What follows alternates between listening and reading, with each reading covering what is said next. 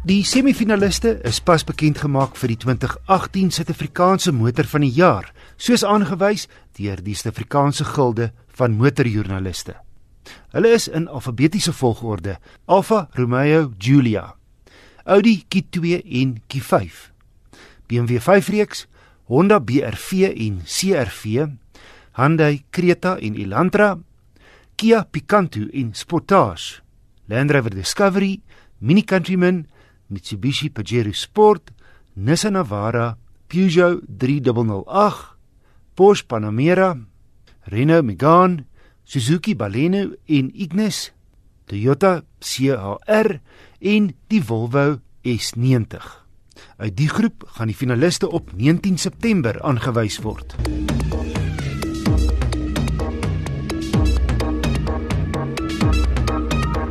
Die sogenaamde Artu-wet is van dese week deur die nasionale vergadering goedgekeur. Ingevolge die wet sal verkeersoortreders punte ontvang en indien daar 'n sekere aantal punte teen jou naam is, kan jou rybewys opgeskort word.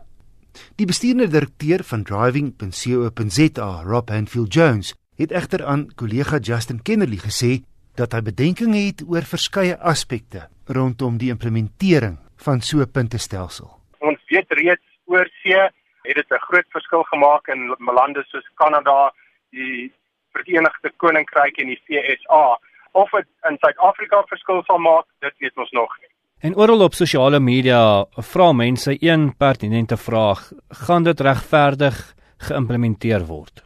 Ja, dit is 'n belangrike vraag. In die eerste geval, soos die huidige wetsontwerp wat deur die parlement goedgekeur is, staan is ek meegedeel dat dit waarskynlik nie 'n grondwetlike uitdaging sal oorleef nie. Ek het self my eie uh, bydrae gelewer toe die portefeulje komitee nog die wetsontwerp geskryf en verander het. Daar is baie baie probleme daarmee. So die wetsontwerp self is 'n probleem en wat die implementering aanbetref, implementering is 'n ander woord vir polisieering.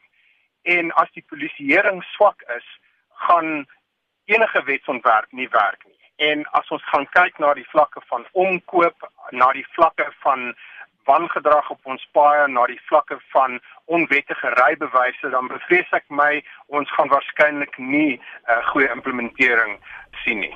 En hierdie puntestelsel kan nadelig wees vir, vir baie mense. Dink jy mense sal nou meer bereid wees om omkoopgeld te betaal om te keer dat hulle punte teen hulle lisensies kry?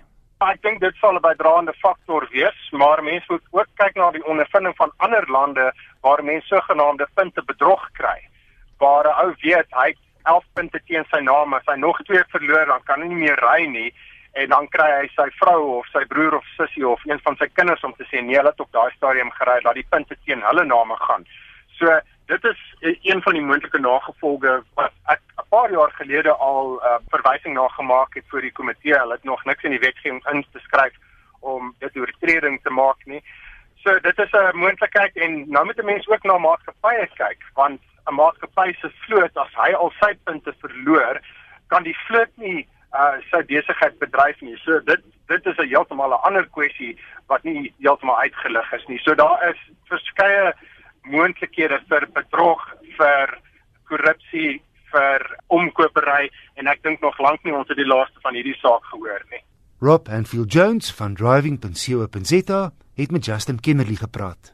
Die artewet sal nou eers na die nasionale raad van provinsies verwys word en daarna moet dit deur die president onderteken word.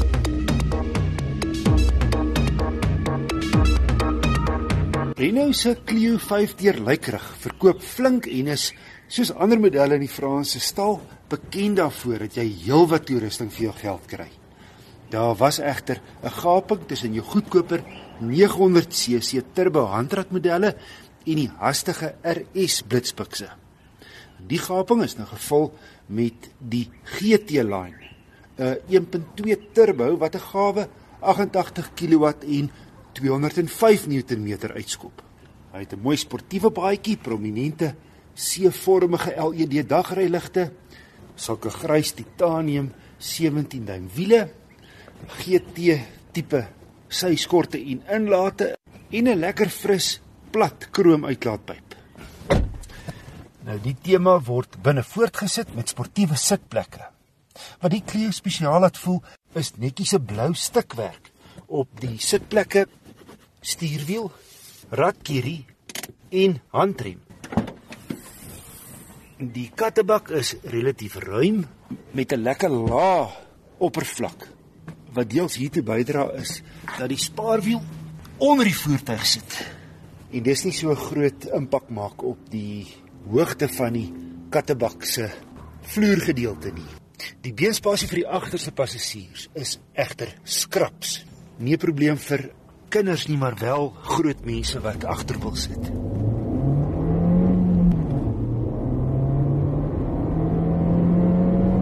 Renault sê 0 na 100 in die GT line neem net 'n flinke 9 sekondes en is 'n lekker soepel oond. 90% van die wrinkerag is vanaf 1500 toere beskikbaar. Dis onnodig om soos in die geval van 'n nie turbo aangejaagde kragbron in enige van die 6 ratte na 'n lae rat te skakel as jy wil vet gee. Jy sit net voet neer. Ek het 'n skaflike 6,9 liter per 100 km op my gekombineerde stad-ooppad brandstofroete gemeet.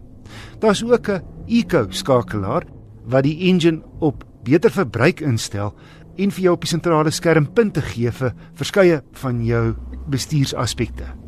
Hantering is goed. Maar so ook die ritgehalte. Die Clio GT Line kom met togbeheer, 3 sensors en outomatiese hoofligte en reënveers. Ook 'n 18 cm raakskerm wat vir jou navigasie bied en talle slim voor- en vermaakfunksies.